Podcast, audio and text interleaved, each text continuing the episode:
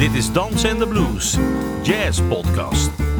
Art Blakey zei, jazz has to be danceable and has to have blues.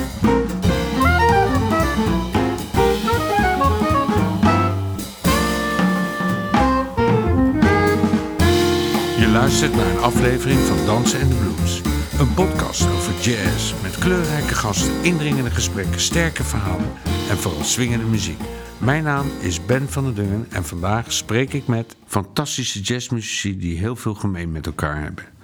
Twee muzici die op een top jazz zijn, elkaar beïnvloed hebben en toch op een unieke manier weer totaal authentiek zijn. Met je ogen dicht hou je ze er altijd uit. Eigenzinnig en origineel tot in de details. Vriend en vijand verbazen zich immer over de muzikaliteit van deze twee broers. Nog steeds behorend tot het best bewaarde geheim van Den Haag. Ik heb het over Wim en Marco Kegel. Welkom.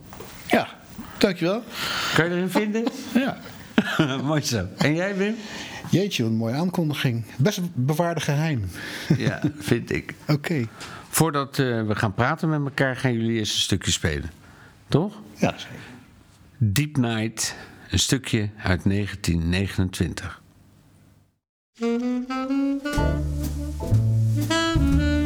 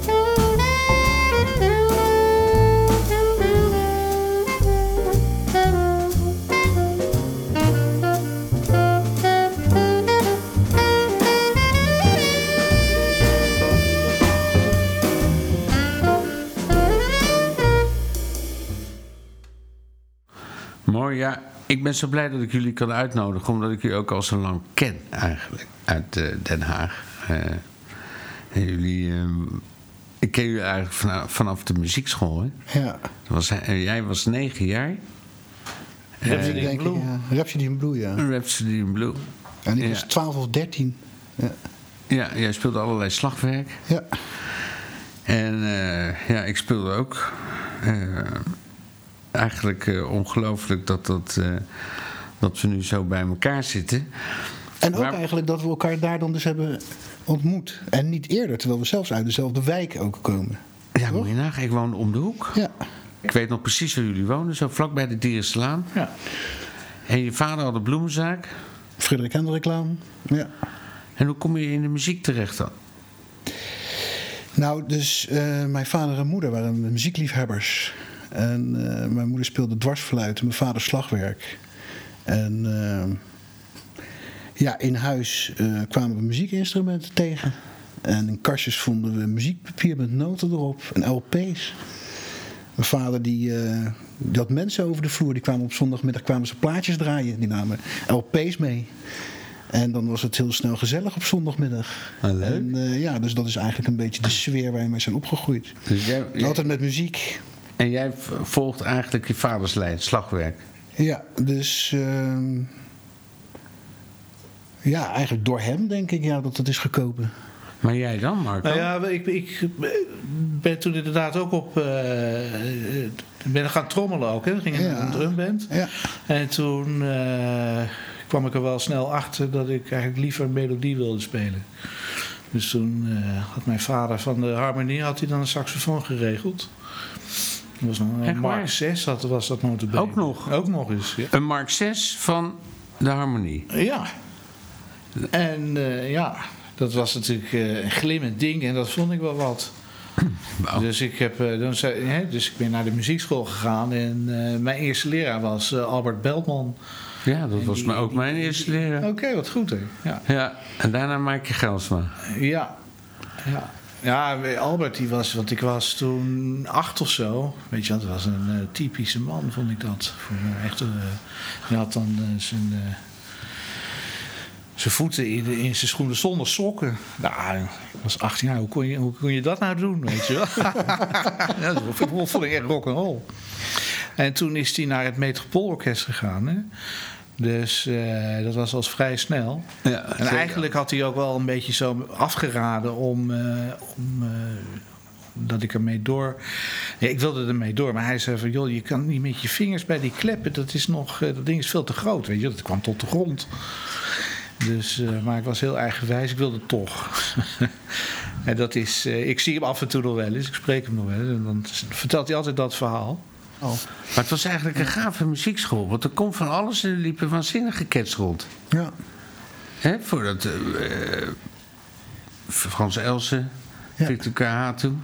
Ja. En jullie zaten ook in de big band, of eh, wat er dan voor... Nou ja, dat, eh, dat wilde ik nog eigenlijk vragen aan jou, want dat ken jij dus, die Big Band, zit jij in? Ja, ik heb er ook in gezeten. Ik heb er namelijk eens een verhaal van gehoord. Dat die, er er stond dan iemand voor. En er was er dan een of andere snijboon op trompet of zo. En die kon zijn partij niet spelen. En toen, toen was die man die de voorstel, die was heel boos geworden. Die was dan, dat- zo ging het verhaal dan. Die was met een bel achter die gast en toen is die, eh, toen is die eh, big band, zeg maar, opgeheven. En dat, dat eh, hè, die kon gelijk natuurlijk... eh, Oh, is dat de reden dat hij big band? Want het, toen wij speelden bij Gerrit van Bezij, Ja, dat was ja. saxofoonsectie. Ja, Ja, saxofoonsectie met de rhythmsectie. Dus die big band die was opgeheven en die saxsectie die ging dan door. Ja. Nee, want daarvoor was er ook een big band met Gerrit van Bezij. En Oh, die, stond daar, die stond daarvoor. Oké. Maar dat is een keurig eh, eh, man. Die, die, Nee, het was ook niet Gerard. Maar het, het, eh, Ja. ik weet wel wie het was, maar... ik- Ja, zeg even wie het was. Ja. maar volgens mij was Victor K. Dat kan ik me wel voorstellen eigenlijk. En, eh, maar ja, daar heb ik, later heb ik daar nog heel veel mee gespeeld met Victor. Een hele aardige man, hè? Ja. Ja. Hé, maar als je nou eh, met je pa... eh, Hoe, hoe werkte dat? Want ik bedoel, jullie zitten dan thuis in uh, Nunspeetlaan. Dat zijn toch niet echt hele grote huizen. Jij speelt uh, drums, jij speelt saxofoon. Dat moet toch een, wel een aardige herrie zijn geweest. Nou, we zaten gewoon... Uh, op zondag, zondag was mijn vader vrij. Dus we, we, zaten gewoon te wachten tot hij uit zijn bed kwam natuurlijk. Want hij wilde uitslapen. Hij had de hele week hard gewerkt. We waren nog klein. Dus als hij dan... En dan gingen we spelen. Dus hij met mij speelde die... Uh, hij leerde me nootjes lezen en, en, marsjes spelen. Want hij speelde slagwerk natuurlijk, dus dat deden we samen. En Marco speelde die, had ook op een gegeven moment een saxofoon en speelden ze samen duetjes. En, en, zo ging dat. En we vonden het leuk om muziek te maken. Op een gegeven moment moest er een drumstel komen natuurlijk. Nou, net als met Marco heeft voor Marco een goed instrument heeft hij, uh, aangeschaft. En voor mij, uh, weet je wel, precies hetzelfde. Dus hij was altijd aan het snuffelen en om ons mee, muziekwinkels. vergelijken. Er werd nooit iets gekocht zoals nu bijvoorbeeld op het internet of zo. Nee, er werd altijd eerst geluisterd. Hoe klinkt het, weet je wel? Past het bij je? En is het mooi? En vergelijken, weet je wel? Ja, mooie deals. Dus daar heeft hij ons heel erg mee geholpen. Het was leuk om daarmee bezig te zijn. En je hebt die Marxist moeten terugbrengen, of niet? Uiteindelijk uh, ging die terug, ja. En toen had Maaike Gerrelsma, dat was ondertussen mijn, uh, mijn lerares... die verkocht haar... Uh, die had precies zo'nzelfde saxofoon. Dus die, die, die, die wilde dat ding aan mij verkopen. En dat was eigenlijk een koopje. Maar dat was natuurlijk voor mijn vader was dat een behoorlijk bedrag. Dus zijn we nog naar Vijver gegaan. Van is dat, uh, is, is dat wel oké als we dat doen? Ze zei Vijver, die zei gelijk doen. Ja. Altijd goed, Mark 6. En, maar inderdaad, die muziekschool die, die had allemaal van dat soort projecten. Hè. 1980 was, kwam uh, de koningin, die kwam dan hier in Den Haag wonen en werken, geloof ik. Hè? En, ja. uh, en er was een heel evenement op in het con ja. congresgebouw georganiseerd. En dan had de muziekschool ook weer een dingetje. Dus ik speelde met Maaike dan een paar van die duetjes voor de koningin. Wow. Dus dat was, uh, ja, dat was uh, ja, super leuk. Hè? De foto die heeft jarenlang daar gehangen, daar in, die, uh, in die hal van de muziekschool. Ja, het was een topschool. Ik kon ook gewoon. Ja. Je kon gewoon uh, een beetje ouwe hoeren met die portiers. En dan kreeg je de sleutel mee. En dan kon, ik had een kamertje op zolder. Dan kon ik de hele dag kon ik daar gewoon studeren. Dat was helemaal geen probleem. Ja, ik had ook een kamertje waar ik altijd kon studeren. Ik uh, ging wel eens sigaren halen voor Huip, weet je wel. Die, die... ja, jezus. Jij, uh... En jij stroomde gewoon van die muziekschool naar het conservatorium, naar de HAVO? Uh... Nou ja, maar, ja ik, de lagere school was klaar en toen, uh, toen, wat ging ik dan doen? En toen had ik gehoord dat er een, een, middelbare school was hè, aan het conservatorium. Dus ik dacht van, ja, weet je wat, dan ga ik proberen voor te spelen. Dus dan heeft Maaike me, naar, die kende natuurlijk Leo van Oostrom, dus moest ik voorspelen. Bij die, Leo? Die, die, oh, ja. Ja, ja, die ging checken of ik dan uh, de noten herkende. Dus dan drukte hij een, een, toon op de piano en dan moest ik dat naspelen. En toen, moest, en toen mocht ik dan uh, toelating doen. Maar wist je al dat je jazzmuziek zou gaan spelen? Nee, ja, nou ja, er was wel, we begon misschien wel een heel klein beetje sprake. Uh, hè, af en toe gingen wel. Dus, uh, kijk, jij had het net, Wim, over die instrumenten. En op een gegeven moment hadden wij dan het, of mijn vader had in ieder geval het idee van er moet een vibrafoon komen. Weet je, als een, uh-huh. zo'n zo metalen. Ja buizenbak, zeg maar. En uh, nou, hadden we van de posttoren, uit de posttoren hadden we dan uh, een advertentie. En er kwam er een of andere snijboom, die kwam dus aan huis dat ding verkopen aan ons. En dat, uh, dat was Theo Beuker. En ja, die, nee, maar zijn, ik, ben samen, ik ben samen met mijn vader zijn naar hem toegegaan. Nou ja, goed in en, ieder geval. Uh, nou, dat is ook inderdaad een verhaal. Dat komt ook. Uh, en uh, dat was heel leuk, omdat nou, we hebben die vibrafoon van hem gekocht. En daarbij kregen we een LP van Lionel Hampton All Star. En dat was het. En, en dat, dat, was het, ja. Dat was het, ja. Dat was eigenlijk de eerste. Ja, dat was echt een plaat. Dat was ongelooflijk. Dus jij bent jazz gaan spelen ja. door Theo Beuker? Nou ja, nou, eigenlijk. Nou, ja. nou ja, vanwege die plaat. Hè, want dat was Lionel Hampton met Cat Anderson, Illinois Cat en Frankie Dunlop, Milt Buckner op... Ja. Uh, Frankie Dunlop op drum, ja. ja. Het swingen is een idioot. En dat was Flying Home. En, ja. en, uh, en, dat was natuurlijk een soort feest. ja, ja, een feest. Maar ja, dat was natuurlijk ook, want hij hoorde wel, soort maar zeggen, bij een soort levendige scene die er was in Den Haag, weet je wel. Ja, zeker. En ze hadden altijd ontzettend veel, uh, ja, plezier in die muziek. En ze speelden het, weet je wel. Dus we hadden ook een soort aansluiting. Nou ja, en Dat hij nodigde jou eh, dus uit om, eh, om mee te spelen. Ja, dat waren van die cafeetjes zoals de Bebop. En, en in Leiden had je de Duke. En die hadden dan zondagsmiddags hadden ze dan een beetje zo spelen. En Theo die speelde volgens mij veel. Ja, Kurk is later allemaal. Later is maar later in ja. ieder geval, jij kon lekker meekomen. Ja. En ja, ik, ik eh, speelde dan één liedje mee. Over de Basin Street Blues kon ik spelen. En eh, Take 5. En dan, had Oh, ja. en dan was ze dan... eh, Het was in maar jij kon was gewoon dat. de hele middag meespelen. Leiden, ja, was dat, ja. Maar Take 5 komt wel eens vaker terug. Want ik heb, in het gesprek heb ik het ook over Take 5 gehad. Ja, Take 5 is wel een eh, belangrijk stuk geweest, tenminste voor mij. En ik denk voor Marco ook wel. Omdat ja, het is natuurlijk eh, een saxofoon, eh, melodie, met een begeleiding. En, en een begeleiding met een drumsolo eroverheen. Dus dat kan ik me nog heel goed herinneren, weet je wel. Op zo'n zondag dat we met, in, met familie in de auto. En ineens verscheen dat stuk op de radio. En er was altijd een kakofonie in de auto, weet je wel. Dus iedereen door elkaar praat. Maar op dat moment was ineens iedereen stil. En dat was gewoon een magisch moment, weet je wel. Daarom dus die eh drumsolo en, en, en Desmond natuurlijk. Paul Desmond vond jij toch ook mooi, hè? Niet? En dan die drumsolo over die, eh, over die vamp. Ja, dat was gewoon... Die, die drums, die werd ineens verheven tot een muziekinstrument. Was, hè, dus hij zat echt muziek te maken. En dat was eh, wat ons denk ik wel heel erg aansprak. Nou ja, toen, toen eh, kwam dat eh, idee ook een beetje op van de jazzmuziek. Ja, dat is eigenlijk best wel ook ontzettend leuk om te doen. Hè? Want het was natuurlijk ook een, een, een soort uitje was dat. Hè? Dat gebeurde dan in die kroeg. Mijn vader natuurlijk een biertje erbij. En, ja, maar die was naar zijn zin natuurlijk, ja, was eh, gezellig. Ja. Maar goed, wij gingen dan eh, eh, in dat combo spelen waar je net over had. Gerrit van Bezij. En die, dat was natuurlijk een drummer. Hè? Die deed af en toe ook wel eens dingen voor. Zeker, ja. En die, en die zong dan ook al die, die, die, die, die ritmes. Hè, van op. Hoe bap, bam, doe, bap, boep. En dan, dat vond ik echt, weet je wel, ik was toen Ja. 10, 11. En dat vond ik wel echt heel bijzonder. Want dat, dat zat echt in mijn hoofd. En de stukken ook dat je die speelde, speelde bijvoorbeeld stukken als Moonglow, Thouswell, weet je wel, Acute. Ja. En eh, alles met brushes natuurlijk, want hij was echt een brusjesmaster. Hè? En van Ja, hem ja, heb ik de eerste ja. brushles gehad. En hij leerde me echt hoe je zo'n muzikaal kon spelen met die brushes, weet je wel. En dat was gewoon, eh, hè, dat is mooi. Maar is de sound ook, hè, van de brushes was mooi. Die leidde de jazzcombo. Of dat was eigenlijk de saxsectie en je ging daarna in een jazz. rhythm sectie, ja. Maar dat kwam eigenlijk later voor mij, want ik was namelijk begonnen eigenlijk bij ehm George Caté. De Dixieland combo op de dinsdagavond, omdat ik... Mijn vader nam me mee naar het Zuiderpark Theater. Naar een concert van de Dutch College Band. En dat heeft mij eigenlijk getriggerd eh, om die jazz, eh, weet je wel. Dus daar gebeurde iets dat ik dacht, hé, dat is magisch. Ze spelen ergens mee, maar dat was dus ongrijpbaar. Dat, kon ik ook, dat wist ik ook niet. Maar ze speelden elkaar het balletje toe. En om de beurt konden ze soleren door elkaar eventjes heel cool aan te kijken. En het was of dat alles vanzelf ging. Weet je wel, ze, ze speelden mooi. Dat, dat eh, imponeerde mij heel erg.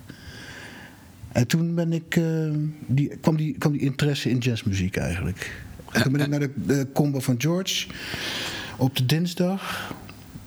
En daarna kwam Gerard. Oké. Ja. En voor jou, Marco? Nou ja, dat was dan een beetje voor mij het eerste. Want ik, ik, ik kan mij niet herinneren van die Dixieland combo. Nee, ik kan me wel herinneren dat later was er ook weer een van de evenementen van de muziekschool. En toen gingen jullie spelen en toen mocht ik een liedje meespelen. En toen had ik dus, toen mocht ik mijn eerste solo spelen. Maar Ja. ik wist helemaal niet hoe dat moest. Dus, en toen, eh, toen zei George van, ja, er staan allemaal eh, letters staan erboven. En die betekenen dat dat, hè, dat betekent dat het een toonladder is. En, want eh, wat ik deed, dat klonk helemaal nergens naar. En toen, maar hoe moet ik dat dan doen dan? Hè, vroeg ik nog. Ja. Dus dat was mijn eerste tip eigenlijk. Van kijk naar die letters die dan boven die... Hè, dat, was, dat was dan het akkoordenschema. Ja. En dat kwam eigenlijk omdat dus de muziekschool begon- bestond zoveel jaar. En hij wilde een eh, jazzcombo samenstellen, weet je, met jonge mensen. Dus Marco gevraagd. En ik speelde natuurlijk al met hem in dat combo. Mark eh, Niels speelde trompet. Niels Stout. Ja. ja. Mark van Roon piano en Jeroen Koning toen die speelde, was een gitarist, die speelde toen bas. En, toen da- en dat was eigenlijk de eerste stap. En toen hebben we twee stukken gespeeld, ik weet ze nog. Eén was Perdido en dan was Take the A-Train. En wat jij vertelt over. Ik kan me ook herinneren dat... En, maar, maar wat jij vertelt over van, ja, hoe dan? Weet je wel, dat weet ik dan. Dat daar antwoord daarop kwam, was dat, dat we samen met papa naar de discotheek gingen. En daar hebben we dus Charlie Parker, weet je wel. Toen kwamen al die Dial LP's en eh Savoy's. En hebben we Charlie Parker ontdekt, toch? ja, ik Het was toch de dat- aanleiding? Dacht, dat dacht ik. Nou ja, daar kan ik me niks van herinneren. Maar, Nee. Nou, maar dat is ook wel grappig, hè? Want Marco die heeft toch dingen ook soms anders in zijn, in zijn, Ja, in zijn ja, ja, ja, gedachten dan ik. Ja. Ik weet nog dat ik een, eh, een LP ging kopen van Lionel Hampton bij de Bijenkorf. En een vriend van mij die kocht in plaats van eh, Louis Armstrong. Maar we waren iets van 12, 13 of zo. Dus we vroegen aan die mevrouw: eh, mogen we een stukje luisteren? Waarop ze zei: nee, dat gaat dus echt niet gebeuren. Want je bent gewoon de boel aan het, eh, weet je wel, het flessen. Je bent niet aan de maling aan het nemen. Want die twee kleine vogels, die kunnen daar niet van houden. Weet je wel, dat, dat, ze dacht, dat zag ze dus helemaal niet. Ja, dat, dat was wel echt typisch. Ah, mooi zeg. Ja, ja. Maar ik kan me herinneren dat jij vertelde dat je naar een combo van Willem van Bommel ging. Dat was eigenlijk het vervolg van de Frans-Else combo. Ja. Ja, en die, die, eh, die had het over een 251. Dat was mijn eerste. eh, hè, dus we stonden de hele tijd iets. bloep. En toen ineens zei hij van nee joh, dat moet.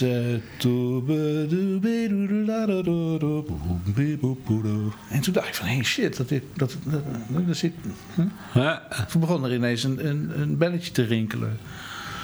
Dat vond ik wel gaaf. Maar ja, toen, weet je, dus speelden we in dat combo bijvoorbeeld ook Body and Soul. En dat stond dan in Bes. Nou, dat was gewoon, eh, weet je, dat ja.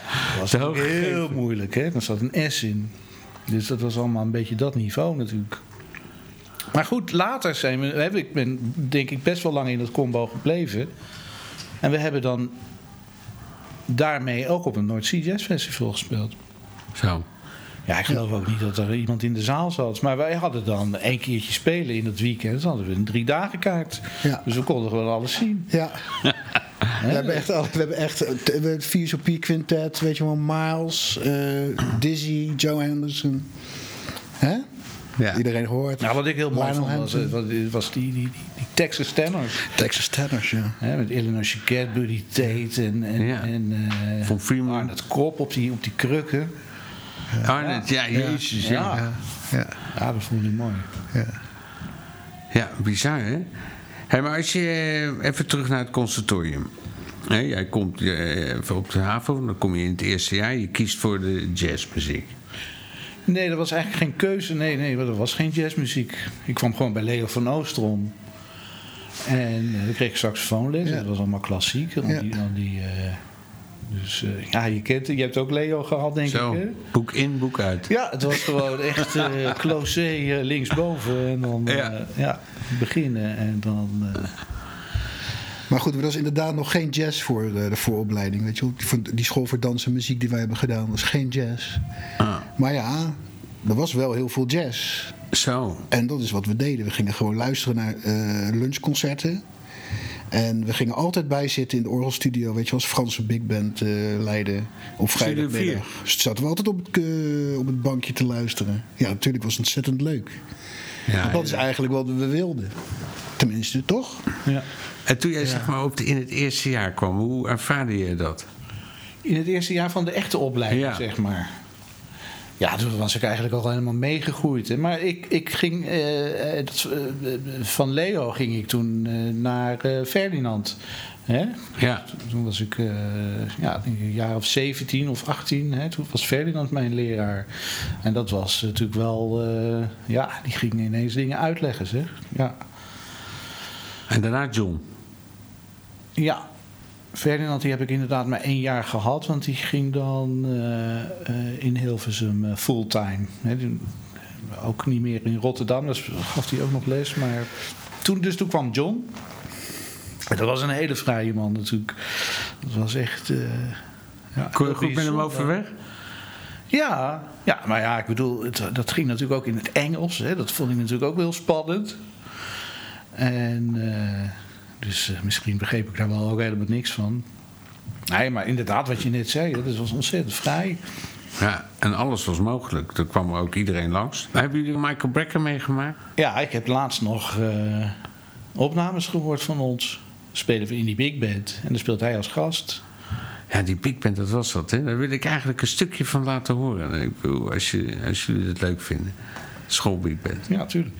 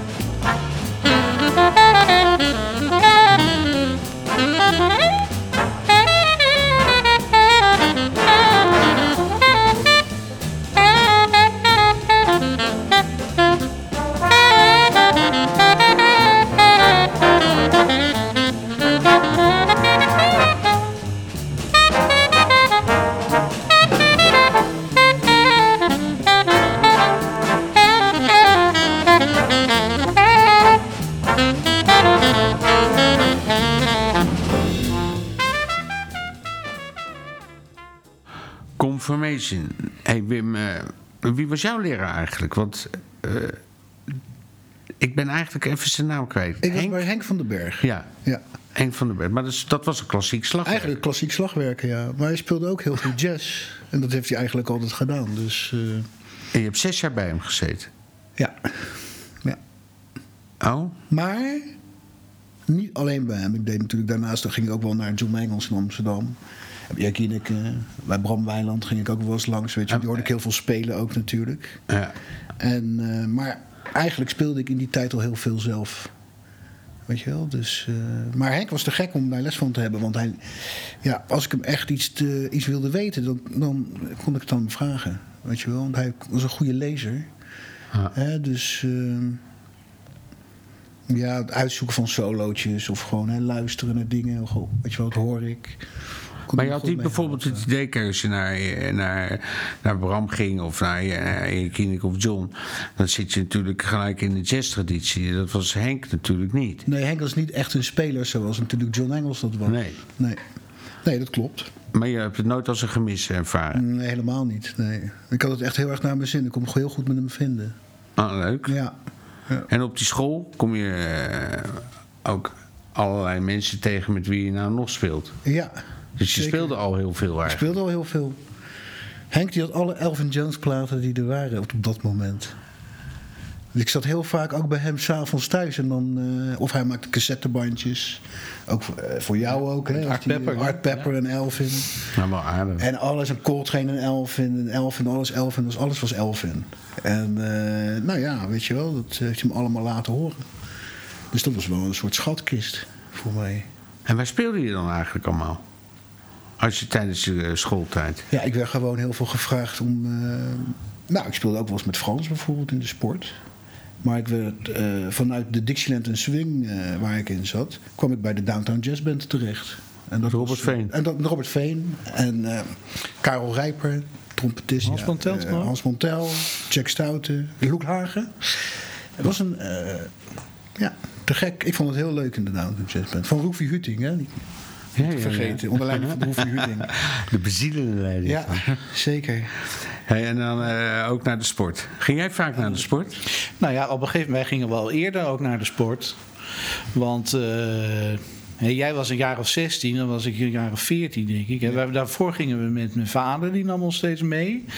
Naar de sport? Nou ja, de sport inderdaad. En nou ja, ook op zondag, hè, want dan was die vrij. Dan had je dus uh, Pepijn, daar gingen we naartoe. We speelden dan Amerikanen met eh, bijvoorbeeld Rijn of met, eh, ja, Ja, wie niet? De tobbe? hè? De tobbe? De Tobbe, ja, zijn we ook geweest vaak. Maar inderdaad, de Bok had je dan Café bijvoorbeeld. Hè? En dat, is- dat, dat, dat- Ja. kan ik me nog goed herinneren dat jij er speelde. Met eh, je eerste quintet met Jarmo met en Jan. Jan Bach van Ding. Ja. Jezus. Leuke tent. Ja, dat was ontzettend leuk, joh. Dat heb ik ook. eh, wat hebben we nog meer gezien? Ja, Willem Koos van de Sluis, Willem Rijnen. Nou, Willem Rijnen speelde jij ook mee. Ja. Maar ook, weet je wel, in het Café de Bok was een goede akoestiek, vond ik altijd. Weet je wel, die houten vloer en alles van hout eromheen. Het klonk altijd heel erg lekker.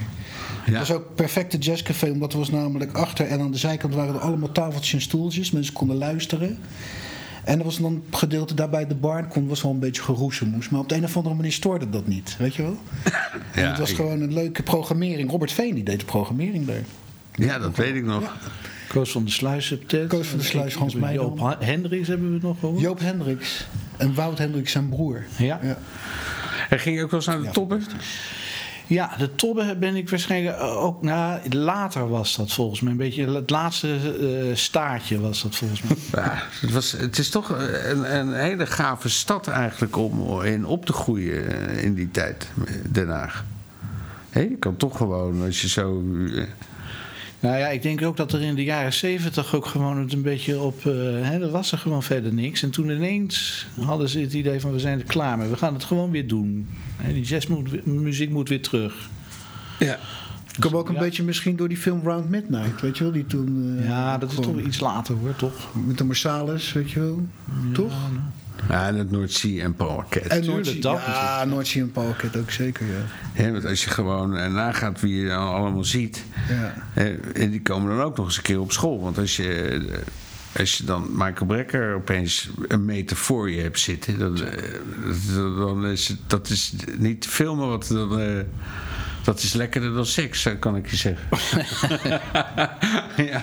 Ik, Maar ik heb laatst Oh. Ik heb laatst die band gehoord dat wij dus met hem spelen. Ja. En het is ongelooflijk. ja, het is heel heftig, hè? Nou, Ik was Hey. ook helemaal fan van Michael, omdat eh, Marco, die had eerder had hij eh, die plaat 8081 van Pat Metheny. Ah, geweldig. Dat is een dubbel OP. En dan kan natuurlijk, weet je wel, van Coat B, weet je wel, dat is een Ja. hit geworden toen. Ja. Ja, zo kwamen we die muziek en... eh, En dan speel je een En keertje toen kwam met- hij kwam op Ja. school en ik had gewoon mijn drumstel. En ik ging gewoon overal waar hij ging, ging ik ook gewoon met mijn drumstel. En als hij ging zitten voor een saxofoonworkshop, zat ik ernaast met mijn drumstel. En als hij ging een, eh, een open ding of zo, dan zat ik ernaast met mijn drumstel. Met Pepentini. Nee, met Mike Brown. Oh, met Michael Brecker. Dus overal waar hij ging wel staan, was ik met mijn drumstel. En dus hij vroeg hij ook wel eens van, nou wil je even een beetje rhythm spelen? Dan ga ik wat voordoen. En ja, in die tijd was ik helemaal gek van Coltrane natuurlijk en Impressions met Elvin. Maar, hij, maar Michael toen heeft dan ook waarschijnlijk op jouw drumset gespeeld. Ja, tuurlijk. ja. Ja, ik had gewoon mijn drumset bij me. En eh, toen we die uitvoering gingen eh, doen, toen zat ik er dus bij, weet je wel. Toen heb ik die, die wet gespeeld met hem op Impressions. Live. Ja, dat was voor mij natuurlijk helemaal... Dat was een, de adrenaline gierde door me heen. En de, de kick was zo groot. En weet je wat het allergekste was? Hij hield niet terug. Hij, was gewoon, hij ging vol eraf en voor, weet je wel. Dus ik kon helemaal in mee. Hij was niet zo van, oh ik speel met een student, ik moet het een beetje rustig aan doen. Dat bedoel ik, hè. Hij heeft het zich helemaal gegeven. En dat was zo, heeft gehad zoveel kracht en zoveel eh, intentie. Dat heeft ontzettend veel indruk op me gemaakt. En dat was een mooi moment, vond ik, voor mij, om dat mee te maken. Ja. Hey, en eh, met wie speelde jij het meest, zeg maar, op die school? Jij? Bijvoorbeeld, eh, had je... Nou ja, ik had natuurlijk eh, een paar gasten waarmee ik opdronk. Eh, Niels natuurlijk, Niels Thuis hebben we het eerder over gehad. En Jeroen Manders. En die waren echt ontzettend ver natuurlijk. En die wisten van de hoed en de rand. En daar zat ik mee vaak in de kroeg, s s'avonds. En die, daar heb ik heel veel van geleerd. Wist alles. En speelde, ja, daar heb ik later hebben we daar ook een beetje mee gehad. Een Land of Oebladi met Louis de Bij, Job Lumey, Ja. Erik Doelman. Hè. En eh, ja, En jij zat in een hele andere scene, eigenlijk. Hè? Ik bedoel, de, de, de scene van met Mark van Roon en Tony Overwater. Ja, Mark van Roonen, Tony Overwater inderdaad. Ook Maarten Ornstein. Trio. En Maarten Oorstein hebben we ook trio eh, gespeeld. Ja. Dus dat zijn eigenlijk allemaal kleine groepen, weet je wel. Dus eh, ensembles van drie of trio of kwartet. Maar ook heel andere muziek eigenlijk. Hè? Als je met nieuws en... en ja, dan- ja, dat is toch Ja. wat vrijer. Hè? Ja. In je- Ja. En hoe ging dat dan tussen jullie? Hadden jullie nou discussies? Dat je zegt van... Hey, nou, ik eh, sloeg hem helemaal eh, in elkaar. hè, want jij gaat zo die traditie in en jij gaat een beetje in de, hè, duikt zeg maar eh, in, eh, in het blauwe hinein. Met een beetje vrijheid en, andere muziek. Ja, nou, wij werden natuurlijk volwassen. Ik ging op mezelf wonen. Ik was 18. Hè? En eh, op een gegeven moment ging jij natuurlijk ook het huis uit. En eh, jij ging naar Hilversum. ja. Hè? Dus, eh, nou, Ja, Dus maar het is ook wel je hoort het natuurlijk, weet je wel, dat is natuurlijk wat je wel vaak hoort van, goh, waarom spelen jullie nooit samen of zo, weet je wel? Ja, want je hebt heel veel broersbands, like de, zoals de van Veen. Ja. En jullie hebben nog geen band. Nee. Maar weet je, Marco en ik speelden natuurlijk toen we jong waren, hebben we natuurlijk een, een eh, jeugdorkestje hebben we gehad. En we, en we jamden toch ook wel veel, weet je wel. Dus we hebben best wel veel gespeeld samen, maar... Ja, dus, dat is, vind ik ook leuk aan dit initiatief. Hè? Dat we nu ook weer eens. eh, eh, Ja, dat we eens spelen. Nou, een dat is mooie echt- naam aan eh, gekoppeld. ja, het is heel fijn ook. ja. Maar jij vertelde ook als je met hem speelt dat je eh, gewoon je toch thuis voelt. Ja, zeker. Ja. En hoe komt dat dan? ja. Toch omdat hij natuurlijk heel veel eh, oefende thuis. En dan, eh, en dan hè, die, die bekkenslag van jou, hè, dat, dat zit gewoon een beetje zo in mijn hoofd gegrift. Ding, ding, ding, ding. En dat- En En, jij? en hetzelfde is eigenlijk net ook met het spelen, weet je wel. Dus eh, als Marco, hoe Marco fraseert. Zeker ook bijvoorbeeld als je syncopisch speelt of zo, weet je wel, een melodie. Dan kan ik daar zo, kan ik het meespelen. kan ik ze zo meepakken. Al die, het gaat zo vanzelf. Tenminste, zo voelde dat voor mij net. Weet je wel, dus ja. Dat is denk ik precies hetzelfde als, als die denk, denken, denk. Weet Ja. je wel, ik hoor jouw frasering gewoon ook in dat ritme gewoon. Van het symbool. En, maar ja, goed, dat is wel. eh, Michael Brecker heeft dat ook wel eens eh, verteld over hem en zijn broer. Weet je wel? Dat het, eh, ze hoeven er niet over te praten, het gaat gewoon. Hey, en opeens maak je een plaatje met Dave Liebman. Hè, ik bedoel, als we het over de Joodse school hebben, je hebt eigenlijk eh, met Bob Burke gespeeld, Ja. met Mike, Michael Brecker. En dan komt opeens Dave Liebman om de Zijn zijn. dat ook Joodse, Joodse mensen? Ja, dat is de New Yorkse, New, eh, New Yorkse Joodse school. Hè? Eh, Bob Minzer. Dat wist ik nog niet eens. Ja, eh, Steve Grossman. Ja, eh, Grossman. Het zijn allemaal tijdgenoten die Ja. elkaar heel erg eh, zeg maar beïnvloeden. Ja. Nee, dat weet ik inderdaad wel. Tuurlijk, dat liep me ook eh, Michael Brecker en die. Zeker. maar dat is toch inderdaad met Mark van Roon, waar je dus eh, toch? Ja, Eh, ja. nee, omdat namelijk eh Liebman die speelde toen een workshop bij ons op school. En die hoorde ons spelen. En toen hebben we een paar concerten met hem gedaan. En dat was in, denk ik, 1989 of zo. Een slammer kan ik me nog herinneren. Slemmer, ja. ja. Ah, Toen zat hij zo, dat heb ik ook nog, toen zat hij zo naast dat symbool zo. Hier dat symbool. En hij zat hier. Naast dat symbool met zijn oor. Yeah, yeah. Ja, louder, louder, yeah. ik dacht, wauw, te gek. Die gast die vindt het leuk om met me te spelen. en toen later, en toen is, die- moest hij met eh eh, Wouter Turkenburg naar het ziekenhuis. Omdat hij namelijk, kon niet horen. Nee, vind je het gek, hé, weet je wel. Dat is ja, hij was doof geworden van je. ja, ja, hij was ook geworden. Maar, dus, eh, maar goed, maar later hebben we dus die eh, cd opgenomen. En dat wilde hij ook graag doen. Dat vond hij leuk, weet je wel. Dus, eh, en hij deed het wel vaker ook trouwens hoor. Met, met jonge mensen opnemen. Ja. En ze een beetje, ja, ook een breder publiek helpen aan het breder publiek. Je laat een En dat stukje... was gewoon eh, heel aardig. En dat heeft eigenlijk Pat Metheny ook gedaan, later. Hebben we met Pat Metheny gespeeld op het Noordzee in de PWA-zaal. Toen hij eh, artist in resident was. Ja. En toen heb ik ook aan hem gevraagd van, nou, ik zei van wel heel bijzonder eh, dat je ons hebt gevraagd. Ik zeg, eh, hij zegt ja, maar goed, waar speel je dan als je normaal gesproken speelt op het Noordzee? Ik zeg nou een beetje die kelders en dingen. Hij zei nou, maar jullie moeten gewoon eh, een podium krijgen. Je moet die grote zalen. Kijk. En dat wil ik gewoon hiermee zeggen, zo, weet je wel. Dus dat vond ik, ja, nou dat raakte me wel, weet je wel. Dat vond ik echt heel, heel aardig, vond ik dat. Ja, super. Ja. Zullen we een stukje luisteren naar eh, Dave Liebman? Ja. Ja. En wie spelen er ook mee? Mark? Mark van Roon en Tony Overwater op de bas. En welk stuk? C&D.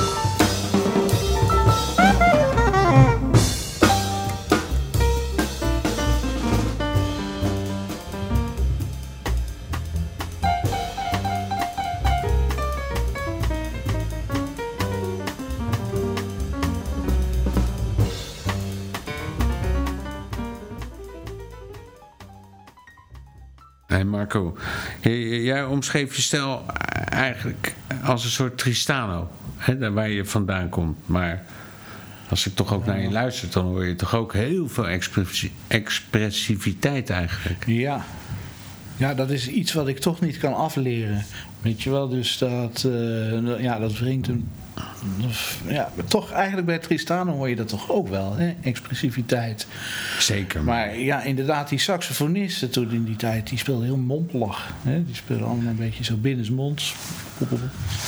Warm anders als, ja, als Cannibal of zo. Precies, ja. En dat is natuurlijk. Maar dat is toch iets wat je zoekt eigenlijk, iets, die expressie.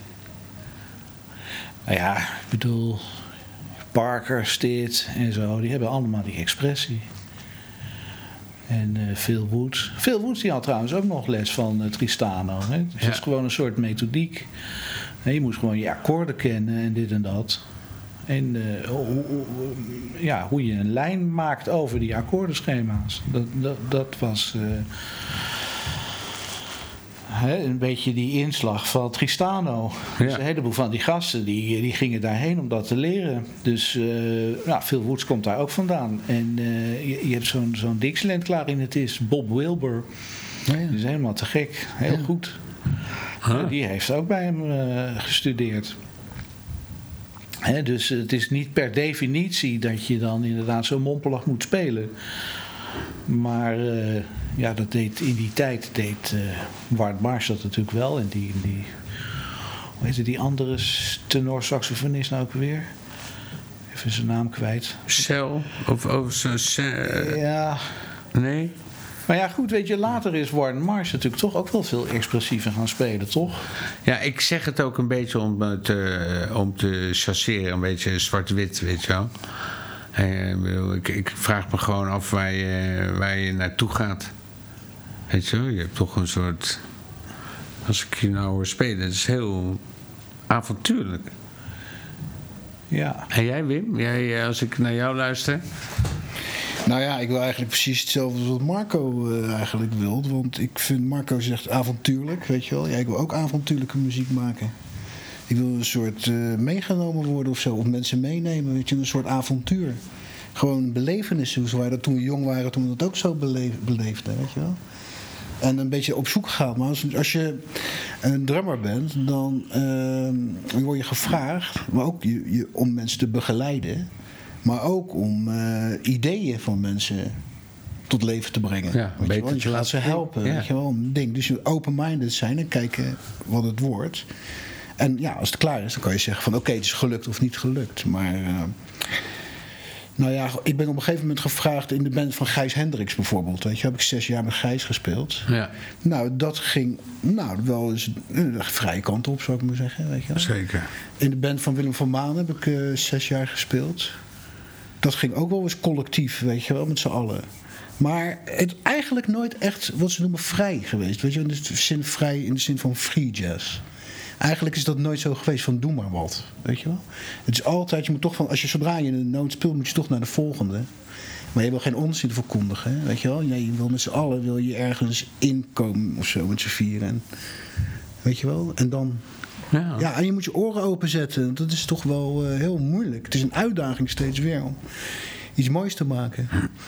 En als je eh, terugkijkt zeg maar, naar je grote voorbeelden, je helden. Wie zijn dat?